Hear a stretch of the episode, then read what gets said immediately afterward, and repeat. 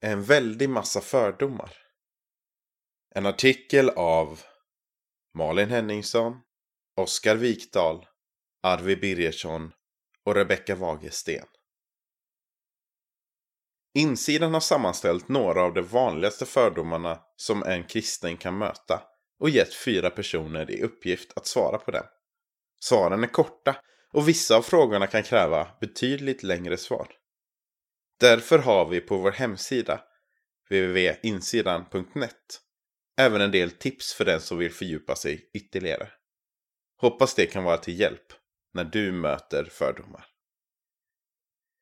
Kristna får inte ha kul av Malin Henningsson.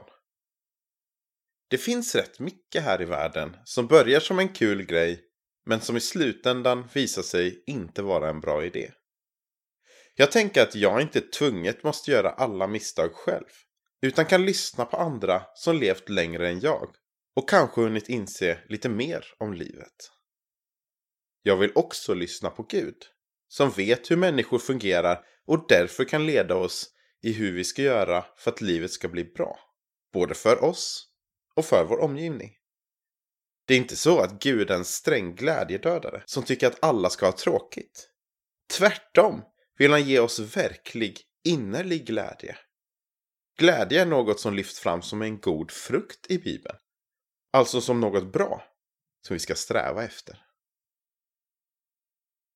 Kristendomen handlar bara om en massa regler. Av Rebecka Fagersten.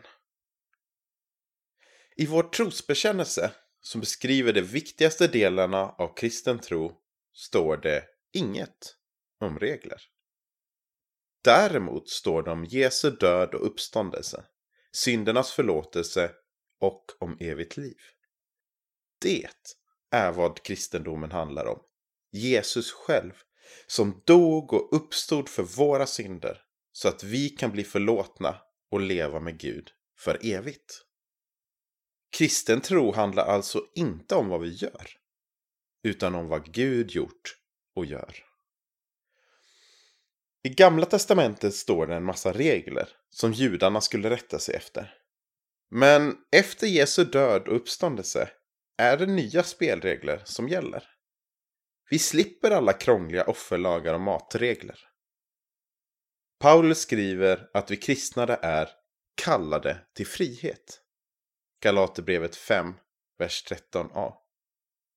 Men de tio budorden då? Kan man som kristen alltså bara strunta i det?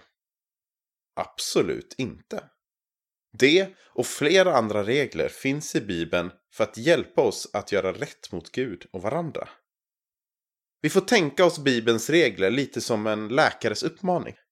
Det är riktlinjer som handlar om vad som är bra för oss. Och när vi ändå gör fel och bryter mot dessa uppmaningar får vi be om förlåtelse och lita på att det räcker att Jesus följde alla regler. Kristna är dömande och intoleranta. Av Malin Henningsson. Skulle du vilja fundera ett slag på vilka personer du grundar detta påstående på? Är det alla kristna du känner? Hur många kristna känner du?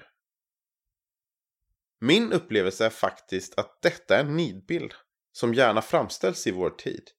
I filmer, böcker och i massmedia. Min egen bild ser annorlunda ut. De flesta kristna jag känner, och det är hyfsat många, är otroligt ödmjuka och kärleksfulla.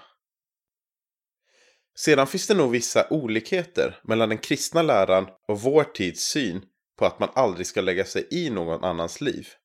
Som man skämtar ibland, sköt dig själv och skit i andra. Kristna tror på Jesus. Och han säger till exempel Döm inte så blir ni inte dömda. Matteus 7, vers 1.